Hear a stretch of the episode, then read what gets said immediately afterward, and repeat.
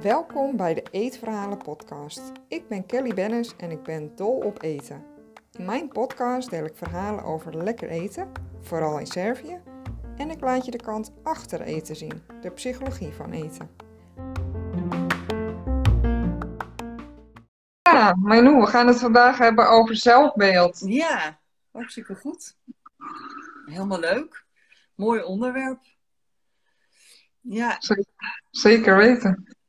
Wat bij heel veel mensen speelt, zelfbeeld. Je hebt het sowieso. Iedereen heeft een beeld van zichzelf. En ehm, is dat een realistisch beeld of is dat een negatief beeld of is dat een heel positief beeld? Is het te positief of te negatief? Weet je, dat uh, iedereen heeft een beeld van hoe die nu is en hoe die eigenlijk zou willen zijn. Dus iedereen heeft ook een ideaal zelfbeeld. Van hoe die idealiter zou willen zijn. En ook een beeld van hoe je zou moeten zijn eigenlijk. En, uh, en daar, van daaruit, dat is de zelfdiscrepantie-theorie, zo heet, heet die. Dat is de discrepantie tussen waar je nu bent, het beeld van jezelf nu, en waar je idealiter zou willen zijn. En als die discrepantie, dat verschil tussen nu en waar je zou willen zijn, heel groot wordt, kun je daar heel veel last van krijgen. En kun je ah, alles doen om jezelf te gaan bekritiseren of dwingen om anders te zijn dan waar je nu bent. Nou, ik ga meteen los, maar het is een heel mooi onderwerp. ja, zeker weten. En uh, waar ik wel benieuwd naar ben eigenlijk, wat nu in me opkomt, is mm. um, mensen die bij jou komen, hebben die altijd, zeg maar, last van hun zelfbeeld? Of kan het ook zijn dat dat helemaal niet aan de orde is? Ja, het kan ook uh, zijn dat dat, dat dat niet is waar iemand mee komt. Nee, dat hoeft niet. Nee, maar je ziet wel dat als, als het verschil tussen je actuele zelfbeeld, dus het zelfbeeld wat je nu over jezelf hebt, um, heel ver afstaat van wat je vindt dat het moet zijn, dat je dan wel allerlei klachten kan krijgen. Ja, ja. precies. Dus uh, ja, het speelt wel vaak, het zelfbeeld. Ja. Ja, um, wil je eerst vertellen wat je zelf in gedachten had? Of wil je de vraag beantwoorden die we hadden gekregen? Wat is voor jou prettig om vanuit te beginnen? Ja, ik vind het wel leuk om. Dat was een hele mooie vraag, hè? Ik kan hem nog even voorlezen. Ik heb hem hier voor mijn neus. Even ja. kijken. Uh, ik worstel met een heel negatief en laag zelfbeeld. Mm -hmm. Ik heb inderdaad al een e-health module gevolgd, maar mijn zelfbeeld gaat niet van de een op de andere dag verbeteren. Nee. Hoe kan ik toch stapjes zetten naar een positief en gezond zelfbeeld? Ja. Waarin ik mezelf accepteer zoals ik ben. Ja.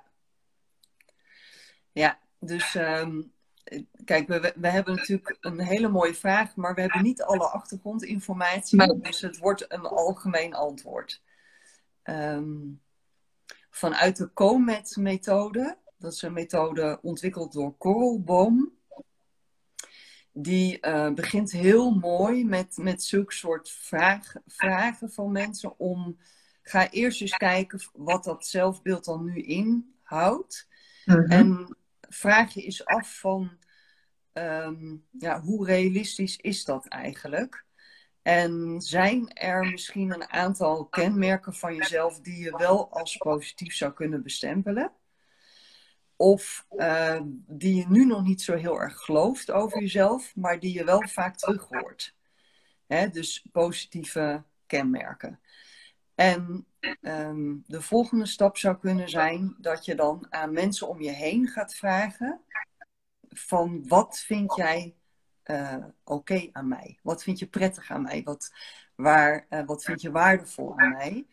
En uh, hen dan ook vraagt om dat op te schrijven voor je. Dus schrijf eens op, wat vind je waardevol aan me? En wanneer was dat dan dat je dat merkte? Bijvoorbeeld, ik vind dat je heel veel humor hebt. Oké, okay, hoe heb je dat dan gemerkt? Wanneer merkte je dat? In welke situatie? En schrijf dat eens voor me op. En misschien zijn er nog meer kenmerken van mij die je, die je waardeert. Dus vraag het aan een vriendin, vraag het aan een collega.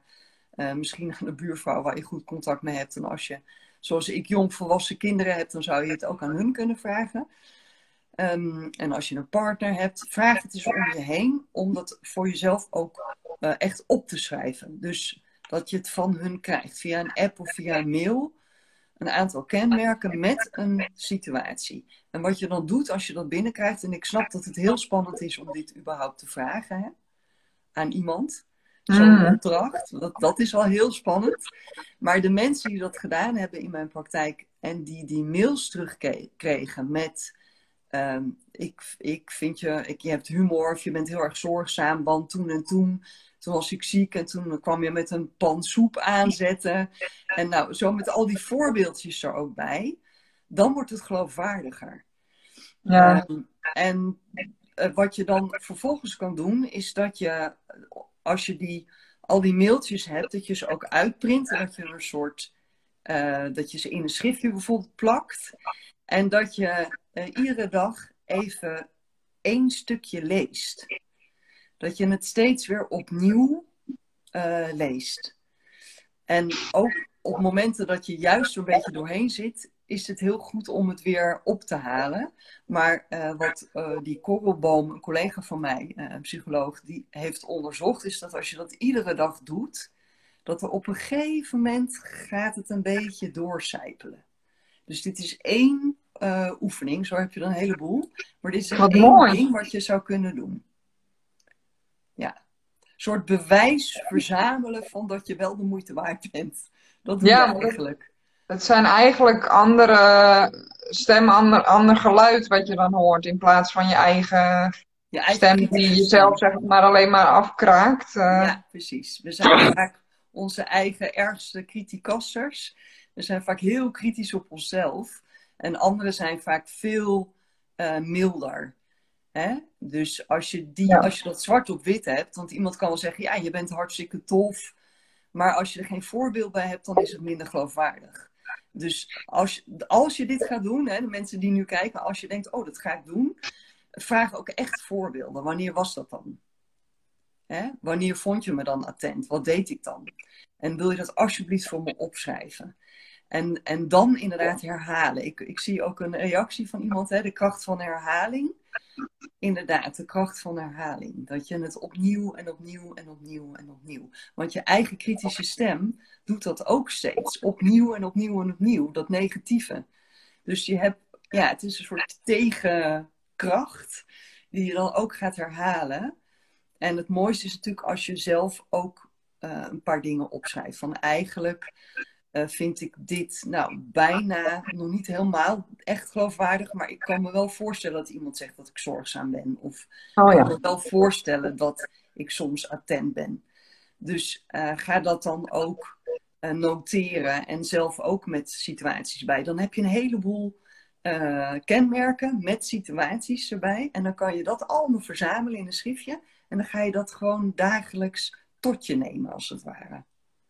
Ja, dat, dat zijn wel hele mooie oefeningen. Ja.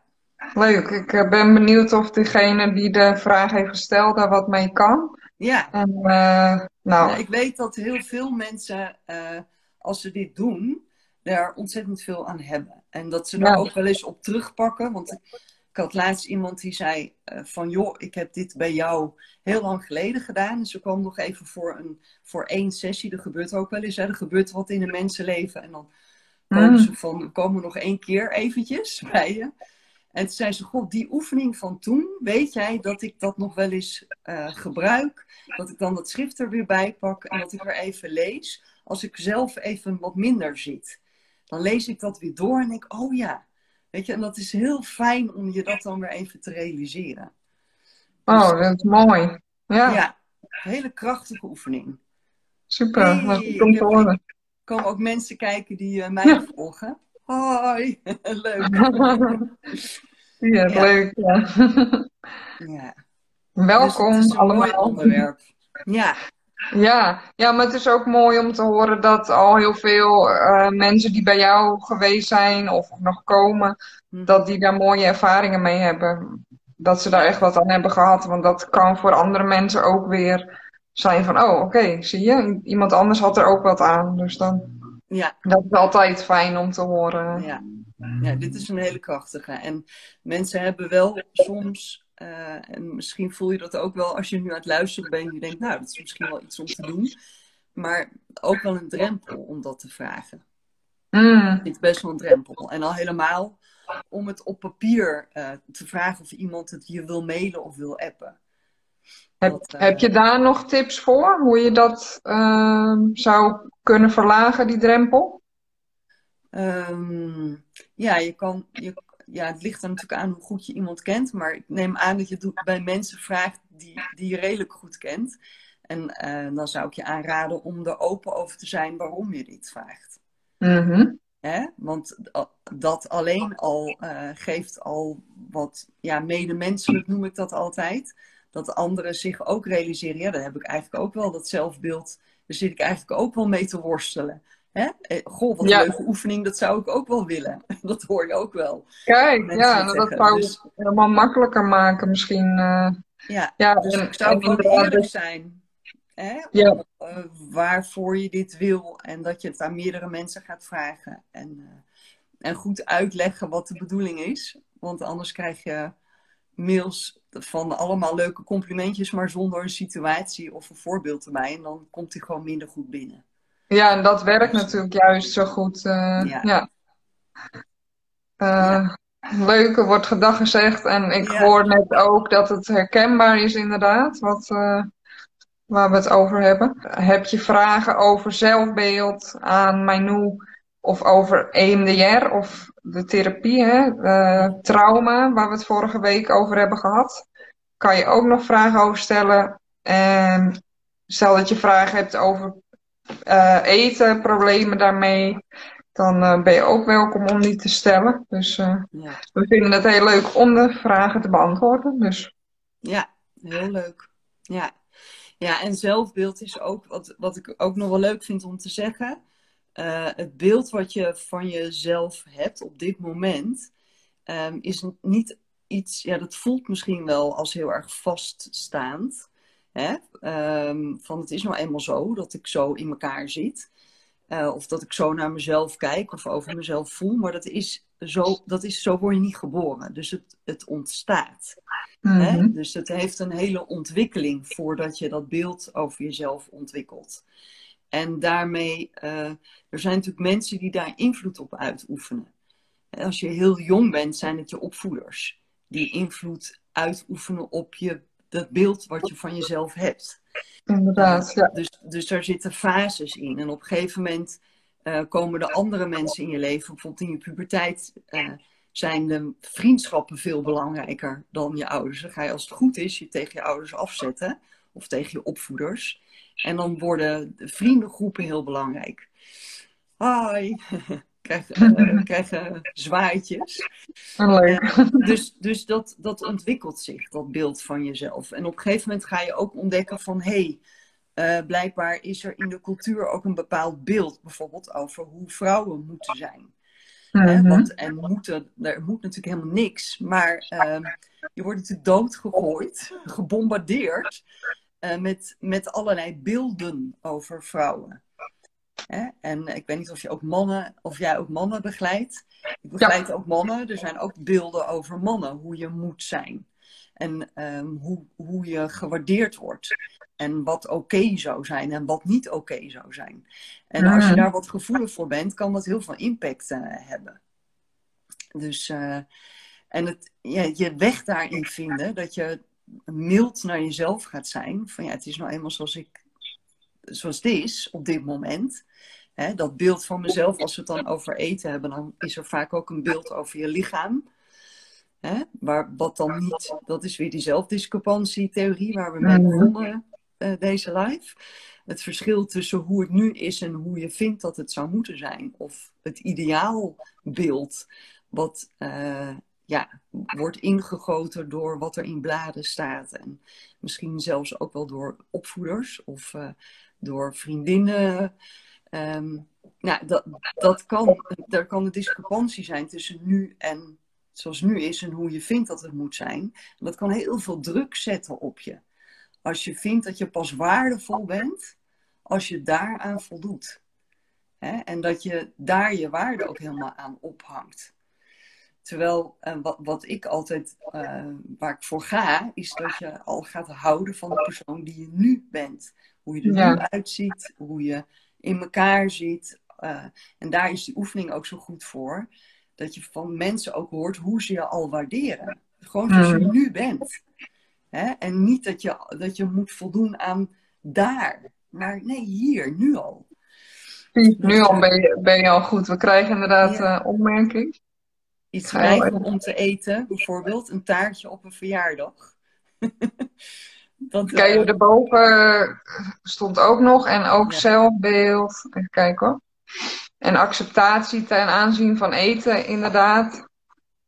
Iets weigeren om te eten, bijvoorbeeld, ja. Ja. Ja, dus als je. Ehm, dat is ook niet makkelijk, hè? Van als je gevoelig bent voor hoe je gezien wordt of wat er van je verwacht wordt. En je wil daar graag aan voldoen omdat je wat onzeker voelt, eigenlijk over word ik wel geaccepteerd, dan kan je heel gevoelig raken over de verwachtingen van de ander. En dan is dat voorbeeld wat we net kregen van dat taartje op een verjaardag niet eten, is dan niet makkelijk. Nee, precies.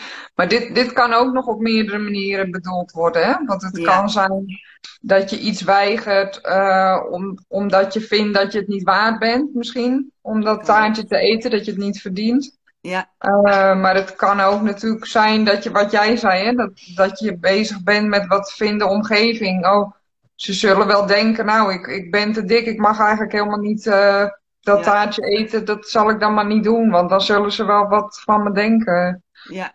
Terwijl jij misschien uh, bij wijze van spreken al een maand geen taart hebt gegeten. ja. dat, dat is altijd zo gemeen, dat mensen allerlei beelden hebben of verwachtingen van jou. Terwijl je daar helemaal niet bezig zou mee hoeven zijn. Uh. Nee, en vaak zijn, uh, denk jij dat mensen heel erg met jou bezig zijn. Ja, uh, en allerlei oordelen over je hebben. Terwijl de, grootste, de persoon die het meeste grootste oordeel heeft, ben je vaak zelf. Ja, en de ander is vaak veel milder over jou dan jij over jezelf bent. Mm. En plak je, plak je dan op de ander. Ik zeg altijd Nivea, niet invullen voor een ander. Maar dat, maar dat, doen, dat doen we wel. En, en um, we zijn vaak zelf veel te kritisch op onszelf. Ja. Inderdaad, ja, zeker weten. Ja. Er komen nog meer reacties binnen volgens mij, hè? Kan jij ja, ik scroll, nu naar, ik scroll nu naar beneden. Ik zal eventjes... Uh ik hoor dat vaak dat mensen juist die pressie voelen om het wel te eten. Ja, inderdaad. ik heb ook heel vaak dat mensen daarmee uh, worstelen dat ze in gezelschap, dat ze geen nee durven zeggen tegen. Dat heeft natuurlijk niet uh, per se met zelfbeeld te maken, maar dat is inderdaad een hele herkenbare. Dat het moeilijk is om nee te zeggen tegen, ja, als jouw omgeving jou iets aanbiedt. Ja, en, en, en vaak al, stel dat je dan durft om iets te zeggen daarvan, dan wordt er gezegd, ah, doe nou niet zo flauw, ik heb helemaal mijn best gedaan om dat te maken. En, uh, ja, terwijl dat helemaal niet uitmaakt natuurlijk. Als jij het niet wil eten, dan wil je het niet eten. Ja, maar en, en zelfbeeld zit daar vaak wel onder. Dus, Toch wel. Uh, ja, als jij als je echt van jezelf kan houden in de zin van dat je, zoals je nu bent, dat volledig kan omarmen en gewoon echt kan accepteren. Ik noem dat radicale zelfacceptatie, zo noem ik dat altijd. Dan is het ook makkelijker om je grens aan te geven. Want dan mag iemand van je balen of je saai vinden of weet ik veel. mag van alles over je zeggen. Maar omdat je oké met jezelf bent, is het makkelijker om nee of ja te zeggen. Hè? oh, dat is ook mooi dat je dat zo uitlegt. Ja. Dat, ja. Uh ik denk dat dat veel mensen ook kan helpen om dat te weten, inderdaad. Uh, ja. ja, want dan kan je het beter hebben dat er, dat er oordelen naar je toe komen. En dan denk je, ja, nou ja, dat is dan een teleurstelling voor de ander, maar ik blijf gewoon oké. Okay. Ik mag ergens ja of ergens nee op zeggen, omdat het wel of niet bij me past. Inderdaad, ja, we krijgen nu ook inderdaad de uh, reactie van precies, of dan ben je niet gezellig, inderdaad. Ja. En inderdaad, maar nu, je mag het zelf bepalen en de ander mag er iets van vinden. Ja, zeker. Ja, ja. En dat wordt makkelijker op het moment dat je die, uh, die acceptatie um, hebt. Hè? Dus op het moment dat je heel zelfkritisch bent en jezelf eigenlijk bijvoorbeeld al een beetje de grond inboort. En soms doen mensen dat ook om de ander voor te zijn. Alsof je jezelf dan beschermt. Terwijl je, je, je, beschermt jezelf niet, je doet jezelf uh, schade toe. Ja. Het is eigenlijk destructief om zo zelfkritisch te zijn. Maar dat kan ontstaan omdat je de ander voor wil zijn, omdat het zo pijnlijk was wat je allemaal hebt meegemaakt. Soms uh, mensen die bijvoorbeeld gepest zijn. Ja, dat is heel pijnlijk, al helemaal als dat in een fase gebeurt. Dat je juist die sociale kant van jezelf aan het ontdekken bent. Hè? Dus wie ben je in het contact met je, met je leeftijdsgenoten? En dat is zo 10, 11, 12, 13, 14. Weet je, dat zijn die leeftijd dat dat heel belangrijk wordt. Dat je geaccepteerd wordt door je leeftijdsgenoten. Ja, en als je daarin dan gepest wordt, dat is zo pijnlijk. Dan kan het zijn dat je, dat je heel zelfkritisch gaat worden, want dan ben je de ander al voor. Dan ga je al bedenken wat er allemaal naar je toe zou kunnen komen. Hè? Dus uh, ja.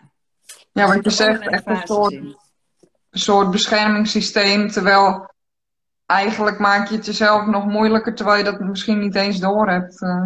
Ja, ja, dat kan ook nog onbewust gebeuren. En als iemand dan bij jou of bij mij aanklopt, dan, dan als het goed is, maken we dat natuurlijk dan bewust. Op het moment dat, je, dat je je bewust wordt, kun je op een gegeven moment ook meer gaan kiezen. Over hoe je dan wel wil dat het gaat zijn. En hoe je wel met jezelf zou willen omgaan. Zeker, maar dat, dat is ook wat ik ervaar. Is dat heel veel mensen zo verrast zijn van, oh, oh, ik had helemaal geen idee dat ik daarom al zo lang met eten worstel, dat dat de oorzaak is dat, ik, dat het niet lukt hè, om dingen te veranderen. Dat dat ja, uit, uit een laag zelfbeeld uh, voortkomt, of, of, of die emoties waar je mee worstelt. Dat is echt vaak heel verrassend voor mensen. En dat is ook wel vaak een opluchting dan van, oh, oké, ik kan er dus echt wat aan doen. Uh, er is, dan begrijp je het meer, hè? Dus ja. dat, het geeft dan al uh, een stukje helderheid en ja, opluchting eigenlijk, ja. Ja, dat je ook niet slachtoffer bent van je eigen beeld over jezelf. Maar dat, dat, je, dat, dat, een, dat het kan veranderen. Het is niet, een, Precies, het is ja. niet in beton gegoten. Het staat niet, het is nou eenmaal zo, dat zeggen mensen ook wel eens, hè. Ik ben nou eenmaal chaotisch, of ik ben nou eenmaal een kluns, of ik ben nou eenmaal uh, onzeker. Hè, alsof dat helemaal in beton gegoten staat. Uh, omdat ze vanuit dat je zo over jezelf denkt, ga je ook alles wat dat bevestigt, valt je op. Terwijl de dingen die uh, oké aan je zijn, daar ben je niet zo op gericht, want je bent heel zelfkritisch in plaats van waarderend naar jezelf. En dan vallen al die dingen die wel oké zijn, die vallen minder op. Dus je hebt minder bewijs voor de, het positieve zelfbeeld. Ja, en daar zijn allemaal oefeningen voor om dat wel uh, te gaan, dat het wel gaat opvallen. Dan kan je het ook bijstellen. Dus dan kan het een kant op ontwikkelen die veel prettiger is voor jou, veel milder is voor jezelf. En daarmee zie ik ook vaak, ik weet niet hoe jij dat ziet, Kelly, maar als dat dan aan het veranderen is en iemand wordt veel zelf uh, vriendelijker, vriendelijker naar zichzelf, dat je dan ook vaak uh, um, intiemere relaties krijgt. Omdat je, je durft je ook wat kwetsbaarder op te stellen. Dus je, je laat mensen ook wat dichterbij. Hè? Omdat je je minder hoeft te verdedigen of hoeft te pleasen of zo. Je krijgt veel um, eerlijker relaties. Dus authentieker zeggen we ook wel. Hè? En dus dat is een heel mooi effect van een uh, prettiger zelfbeeld. Zeker, ja. Ja, ik heb bijvoorbeeld wel dat mensen eindelijk wel durven om hulp te vragen. Dat is ook iets waar je in het begin een beetje over. Of daar moest ik aan denken door iets wat je zei. Bijvoorbeeld uh, omdat je vroeg of ik mannen begeleid. Ja. En ik begeleid inderdaad ook mannen, want uh, eigenlijk is dat ongeveer 50-50 dat ik mannen en, en, vrouwen begeleid. En ja, dat het voor mannen heb ik het idee vaak nog wel een extra drempel is. Ja. Om, ja, heel veel man is aangeleerd, uh, nou, uh, je hebt het niet over je gevoelens, je gaat al helemaal niet huilen. En Dat, uh, ja, dat doe je niet. Dat is misschien al verteld uh, als ze jong waren. Hè. Dat, dat komt natuurlijk ergens vandaan. Of voorgeleefd, hè? Ja. Wat zeg je? Of? Of nou, uh, kinderen die leren door uh, modeling, noemen we dat ook wel in goed Nederlands, maar niet heus. um, maar het, dat ze nadoen. Dus het wordt, je, het wordt je soms niet eens verteld, maar het wordt wel voorgedaan.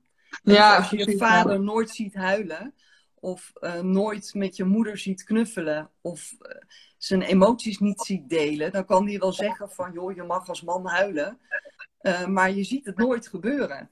En nee, wat je ziet, wat je voorgeleefd wordt, is veel geloofwaardiger dan wat er gezegd wordt. Hè? Dus uh, ja, en als, het, ja. als het en voorgeleefd wordt en gezegd wordt, mannen huilen niet. Uh, en het wordt je ook nog voorgeleefd, dan is het helemaal geloofwaardig. Dat dat dus zo moet zijn, blijkbaar. Ja, inderdaad. Ja. Het is voor eh, heel veel mannen dan een opluchting dat ze eindelijk hun verhaal mogen doen. Ze hebben het vaak maar dat is niet alleen bij mannen hoor, maar sowieso heel veel uh, mensen die ik help, die vertellen het voor de eerste keer. Daar hadden we het vorige keer ook over, hè? Dat, uh, dat ze met eten worstelen en dat niemand daarvan weet. Dat, dat ze dat voor de eerste keer vertellen en dat het best wel heel lastig is. Ja. Uh, ja, en dat ook mannen bijvoorbeeld ja, wel huilen, weet je wel. Tijdens als ik hun zie bijvoorbeeld. En dat vind ik wel echt super sterk, want dan kunnen ze eindelijk hun gevoelens uh, ja, loslaten en daaraan gaan. Of ja, niet per se loslaten, maar dat het eventjes even die druk van de ketel is. Ja, maar wel heel pijnlijk. Hè? Dus eh, iedereen die nu kijkt, uh, hoe pijnlijk eigenlijk dat er bepaalde beelden kunnen zijn, ook in onze cultuur, over hoe je moet zijn, hoe je moet doen, uh, welke emoties wel oké zijn en geaccepteerd worden en welke niet. En dat het ook per geslacht kan verschillen, uh, maar ook per subcultuur. En dat het dan, uh, zeg maar, uh, een, een hele drempel kan zijn om die gevoelens überhaupt voor jezelf toe te laten. Laat staan waar iemand anders bij is. Ja. Hè? Dat, dat is zo zonde, want al die gevoelens, die, dat is eigenlijk rijkdom als je ze durft te voelen. Mhm. Maar we, gaan, we vermijden heel erg daarin. Want het is, oeh, dat is eng. Weet je, je verdrietig voelen is, ja, als je dat niet gewend bent van huis uit, dat dat oké is, dan is het gewoon eng. Dus uh, dan ga je je comfortzone als het ware verlaten. En dan gaat die amygdala achter in je hoofd, die gaat, oeh, niet doen, niet doen, niet doen. Niet naar dat verdriet toe, dat is heel gevaarlijk. Mm. En wij weten dat het niet gevaarlijk is. Uh, want verdriet is een soort golf die, die, die komt als je hem toelaat. En die, en die gaat weer. Mm-hmm. Maar ja, hè? en als je dat kan voelen, dan kan je vaak ook intenser andere gevoelens voelen, zoals uh, dankbaarheid of ontroering. Um, wat soms heel dicht tegen verdriet aan kan liggen. Of het vertelt je een verhaal. Verdriet kan ook een verhaal vertellen over waar je eigenlijk naar verlangt. En als je dat durft te voelen, waar verlang ik dan eigenlijk naar? Wat, wat mis ik nu dan? Waar ik zo verdrietig over ben. Of me zo eenzaam over voel. En, en uh, wie of wat uh, is er dan nodig? En kan ik daar een klein stapje in nemen? En gun ik mezelf dat? Want dan kom je weer bij dat zelfbeeld. Ja, als dat heel negatief is, ja, dan ben ik het niet eens waard om die stappen te nemen. Mm Dus op het moment dat je je, je eigen waarde wat toeneemt, dan vind je het ook waardevol om, om die stappen te nemen. Heb jij dat ook? Dat mensen dat dat dat helpt in hun eigen waarde ook weer. Want het is een soort vicieuze cirkel. Dat als je dan durft te voelen en dat verdriet durft te delen, dat gaat ergens over. Mhm. En, en dan, dan komt er beweging, emotie, motie, beweging. Emotie is ook beweging. Dan komt er iets in beweging. er komt op zijn minst energie vrij. Net als bij boosheid. Als ik, als ik boos word, dan gaat mijn hart heel hard kloppen. Dan krijg ik helemaal warm en zo. Dus heel veel energie. Ja. Hè? Toch? En dat, ja, zeker. je voelt dat je leeft. En, en niet dat, dat, iedereen zomaar boos moet worden, maar het zegt natuurlijk wel iets van: hé, hey, waar word ik dan boos over? En mag ik, mag ik dat voelen? En Want wat was precies jouw vraag over wat cliënten bij mij dan, uh, of zij dat ook ervaren? Kan je dat? Mhm.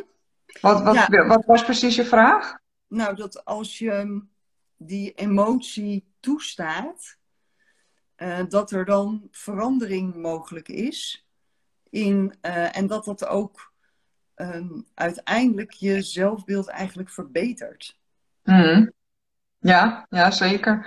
Het is wel zo dat uh, het gros van mijn cliënten eigenlijk uh, nog misschien in een stadium zit voordat ze bij jou komen. Mm -hmm. een deel loopt wel bij een psycholoog, anderen niet. Ja. Uh, ik adviseer dat altijd, hè, om naar een psycholoog te gaan of naar een psychotherapeut. Omdat je dan aan de slag kunt met ja, die dingen waar je tegenaan loopt, met je emoties. En je, ja, je, je gedachten en je gevoelens. En hoe je daar ook, hè, wat je zegt, hoe je daarmee kan leren om te gaan. Dat je ook leert, want heel veel mensen zijn, vinden het heel moeilijk om die emoties überhaupt aan te gaan. Hè. We hadden het net al over, over huilen bijvoorbeeld. Dat je denkt, nee, nee, nee, nee, dat kan echt niet. Uh, Omdat je denkt dat, ja, misschien hebben mensen wel geen idee hoe dat überhaupt voelt. Of, of dat ze niet weten hoe erg de impact daarvan is. Maar dat als je inderdaad weet van oké, ik, ik hoef het niet te vermijden, ik kan het aan. En het is inderdaad dan een golf, maar die gaat weer voorbij. En dat je daar uiteindelijk beter uitkomt. Dat is wel ook dat, wat ik dus zie bij uh, mensen die ik begeleid, die dus wel bij een psycholoog lopen die maken ook duidelijk echt die stappen daarin. Dat ze zien van, hé, hey, zie je, ja, ik ben er nu mee bezig. merk je dat dan ook aan het eten, dat, dat, dat het sneller oplost? Ja. want dat intuïtief eten, wat jij dan wel uh, zegt, van dat is misschien beter dan al die diëten, terwijl je diëtist bent. Dat is zeker beter, ja.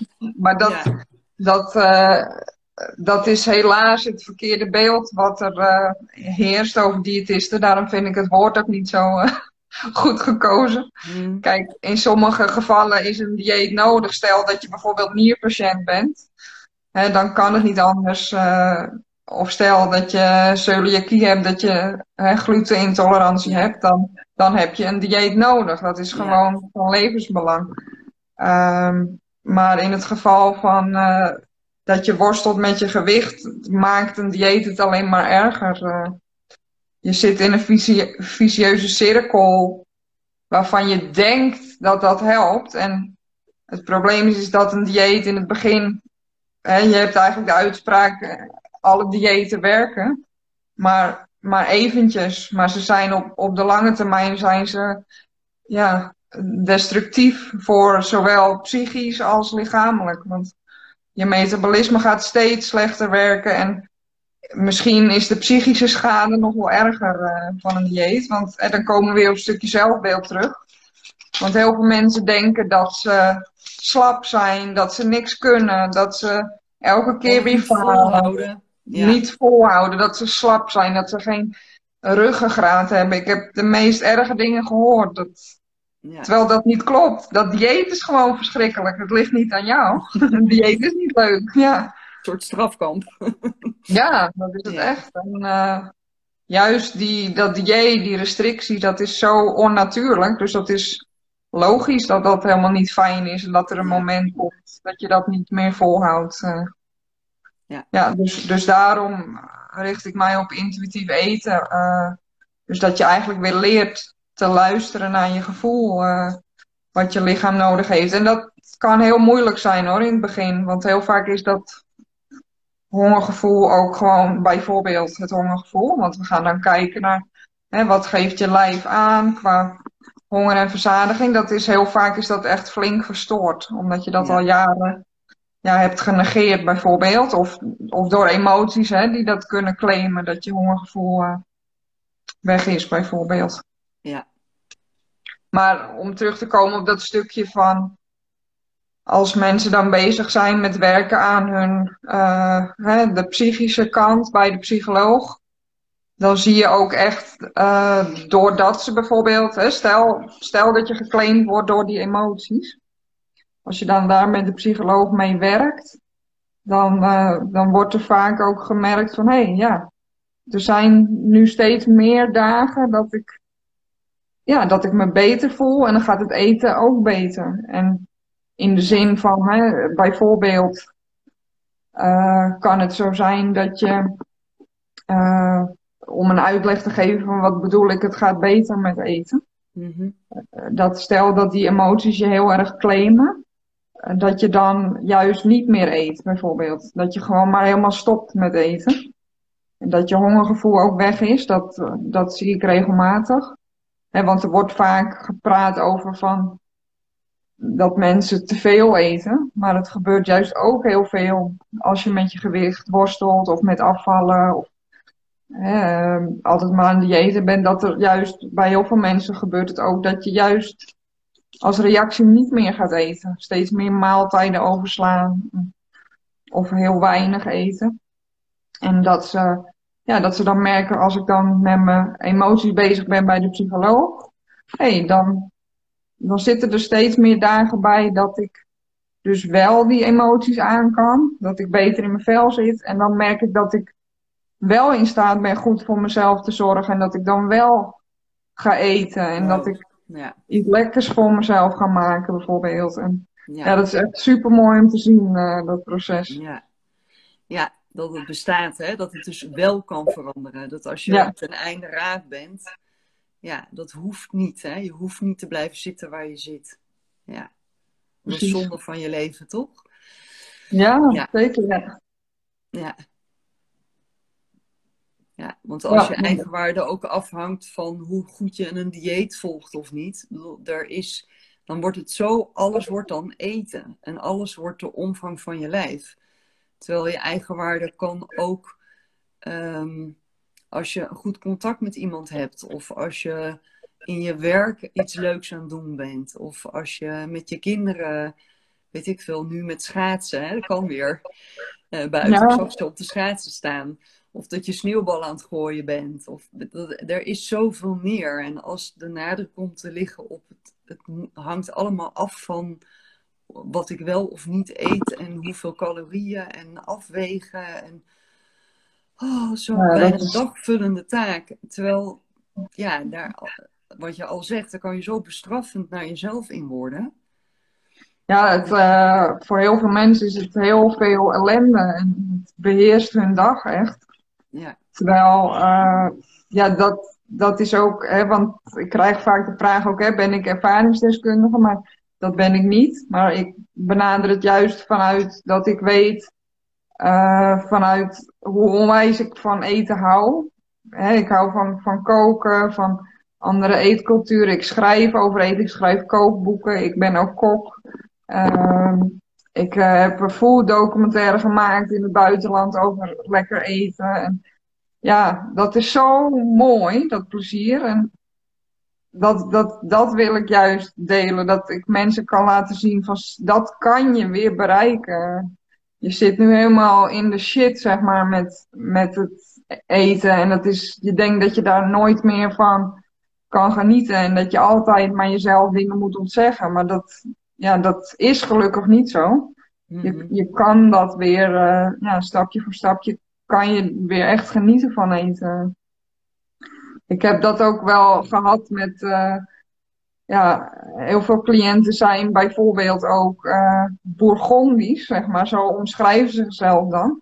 Ja. En dan denken ze dat dat een nadeel is. Maar ik zeg nee, dat is juist super mooi. Dat je al heel erg van eten houdt. Want dat, ja. Uh, dat, ja, mensen denken dan van, oh, dat is eigenlijk heel fout, weet je wel. Dat ik dan van eten hou, maar dat is juist super positief. Want dan dat heb is weer die zelfkritiek, hè, waar we mee begonnen. Ja. Het is weer dat actuele zelfbeeld van fout, fout, fout, fout. Dat je jezelf de hele tijd op je kop geeft zo. Ja. Hè? Terwijl, en dan, want je moet dus anders zijn. Je moet dus niet zo Burgondisch zijn. Dat heb je dus bedacht. Hè? Dus het ideaalbeeld van jezelf is een ander. En dan, dat is dus echt zo jammer. Want als je, als je dat gaat accepteren en zelfs gaat waarderen en het oké gaan vinden en van jezelf gaat houden zoals het is, ja, dan kan je dus inderdaad meer gaan genieten. En, en uh, wat een ander ook vindt. Want mensen kunnen daar van alles over gaan zeggen.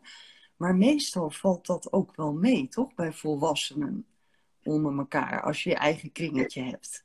Uh, ik, hoor ook, ik hoor ook wel veel andere verhalen hoor. Ik heb wel veel mensen ook gehoord die zeggen. Eigenlijk vind ik op een gegeven moment, dan ben ik zelf. Uh, Ja, echt heb ik hele stappen gemaakt dat ik oké, dat ik het voor mezelf kan uh, accepteren waar ik nu sta. En bijvoorbeeld hè, dat ik intuïtief ga eten. Ja. Maar dat ze juist het onbegrip van hun omgeving hebben. Dat die het niet begrijpen. Hoe kan je nou alles gaan eten? Je moet toch afvallen? Weet je wat, dat soort opmerkingen dan. Ja. En dat juist de, ja, de reacties van de omgeving, dat die het heel moeilijk maken om daarmee door te gaan. Ja, dat snap ik wel. De, wat je, zoals je nu uitlegt. Omdat de omgeving wil controle. En die hebben nog minder controle dan jijzelf. Want jij zelf weet wat je, waar je, wat je wel niet in je mond stopt. Dus je omgeving staat nog machtelozer. En dat roept nog meer angst op. En nog meer controlebehoefte eigenlijk. Dus op het moment dat je dan niet meer gaat doen wat je altijd deed, maar iets nieuws. Wat, wat een soort tegennatuurlijk voelt voor de, voor de omstanders die van jou mhm. houden. Ja, dan gaan ze natuurlijk helemaal op tilt. Want ja, die hebben zoiets van, wat doe jij nou?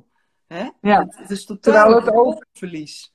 Het is ook uh, gebrek aan kennis. Want uh, heel veel mensen zijn nog steeds, hè, we zijn geconditioneerd met de dieetcultuur is de, het dieet is de oplossing, weet je wel.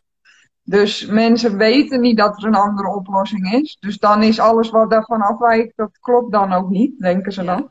Dus dan is het heel makkelijk om daar maar een reactie over te geven. Terwijl mensen geen idee hebben eigenlijk uh, daarvan wat iemand wel kan helpen juist. Uh, om weer ja, je relatie met eten te verbeteren.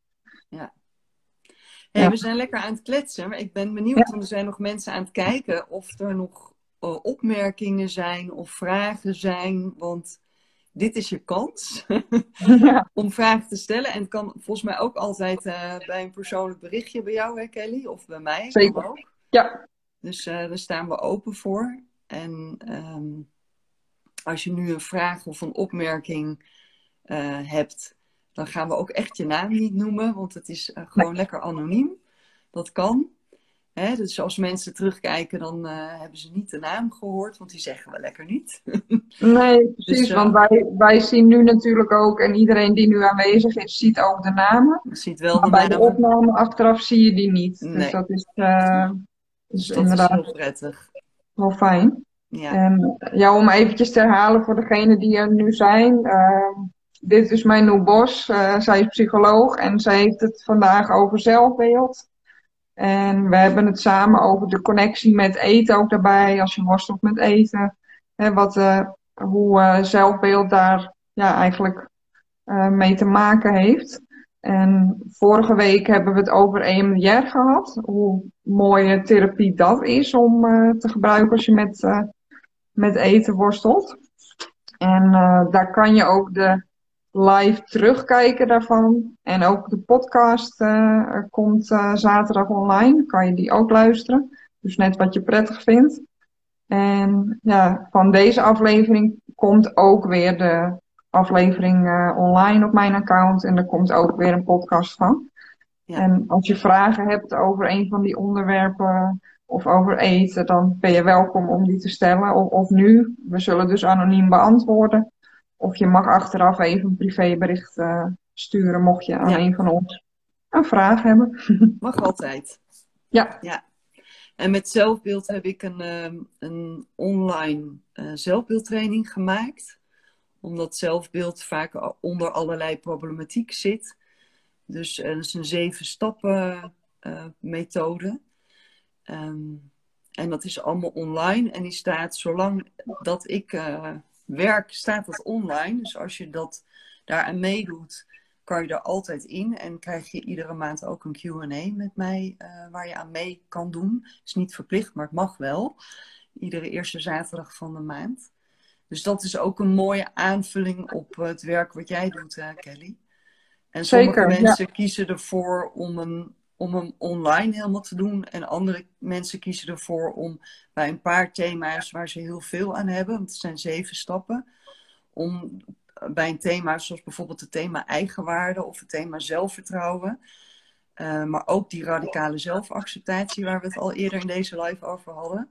Dat zijn echt onderwerpen dat mensen ook even individueel bij mij uh, komen. En oh, dat kan in de praktijk, maar dat kan ook uh, online. Of soms een EDR-sessie nog erbij om het proces te vervolmaken. Ja, maar dat is heel mooi dat je dat zo van alle kanten aanbiedt en dat iemand kan kiezen wat, uh, wat daar ja, wat passend is voor diegene. Ja, ja. ja want ik, ik zal anders ook nog even kort toelichten. Ik ben, uh, ik ben dus diëtist, maar ik werk niet met een dieet. En ik begeleid uh, volwassenen bij die worstelen met eten of een eetprobleem of een eetstoornis. En uh, ik heb um, mij nu uitgenodigd omdat ik het mooi vind om ja, die thema's over psychologie, want ik werk heel erg op het gebied van de eetpsychologie. Dus we kijken hè, naar wat zijn je gedachten, wat zijn je gevoelens, uh, zodat je eigenlijk inzicht krijgt, oké, waar komen mijn eetproblemen nou eigenlijk vandaan? En doordat je dat beter begrijpt, komt er ook ruimte voor oplossingen. En ik uh, bied zowel coaching als online cursussen daarbij. En uh, mijn Noe heeft dus een hele mooie zelfbeeldtraining. In mijn online cursus Verbeter je relatie met eten zit ook een stukje zelfbeeld. Maar als je ontdekt van hé, hey, dat zelfbeeld, daar zou ik eigenlijk wel meer mee willen. Dan is mijn Noes cursus een hele mooie ja, aan, vulling daarop, of eigenlijk een vervolg. Want mijn Noor is psycholoog, dus die kan jou echt uh, ja, volledig zeg maar, begeleiden bij zelfbeeld uh, verbeteren. Dus dat is een heel mooi vervolg op mijn uh, cursus of andersom. Stel dat je bij mijn Noor de cursus hebt gedaan en je weet dat je tegen eetproblemen aanloopt, dan zou je mijn cursus kunnen doen. Dus ja. Ja, we vullen elkaar mooi aan. Precies, ja. Ja, dus, ja nou, als er weer zo'n onderwerp is, uh, Kelly, dat je denkt, uh, we gaan met nu invliegen, dan uh, ben ik altijd bereid om, om hier ja, superleuk. te komen. Dankjewel. Als er vragen zijn vanuit jouw mensen in een persoonlijk berichtje aan jou, dat je denkt, oh, dat vind ik eigenlijk dat Menu dat wel kan beantwoorden, mag je me ook gewoon voor tien minuutjes even invliegen of zo hoor. Dus oh, voel je vrij. Dat is altijd, altijd prima. Ja? Leuk, gaan we doen. Uh, zijn er op dit moment nog mensen die vragen hebben over eten, over zelfbeeld, over EMDR, over trauma? Iets wat met psychologie of eetpsychologie te maken heeft? Dan ben je welkom om je vraag te stellen. We beantwoorden hem anoniem. En je mag ons ook uh, privé een berichtje sturen. Dank jullie wel, krijgen we. Wat lief. Graag Heel graag gedaan. graag gedaan. Oké, nou tot de volgende keer. Ja, hele fijne avond. Ja, eh, bedankt. Jullie ook. En allemaal. Oké, okay. uh, doeg, doeg. Doeg.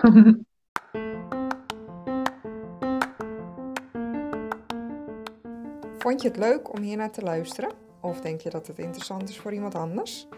Deel mijn podcast, bijvoorbeeld met een screenshot op Instagram en een tag naar mijn account. Alvast super bedankt. Je kunt me bereiken via kellybennis.nl en daar vind je ook mijn social media kanalen. Heb je een vraag of een verzoek voor een bepaalde aflevering? Laat het me weten. Dat vind ik echt super leuk als jij ook je input geeft. Tot de volgende aflevering.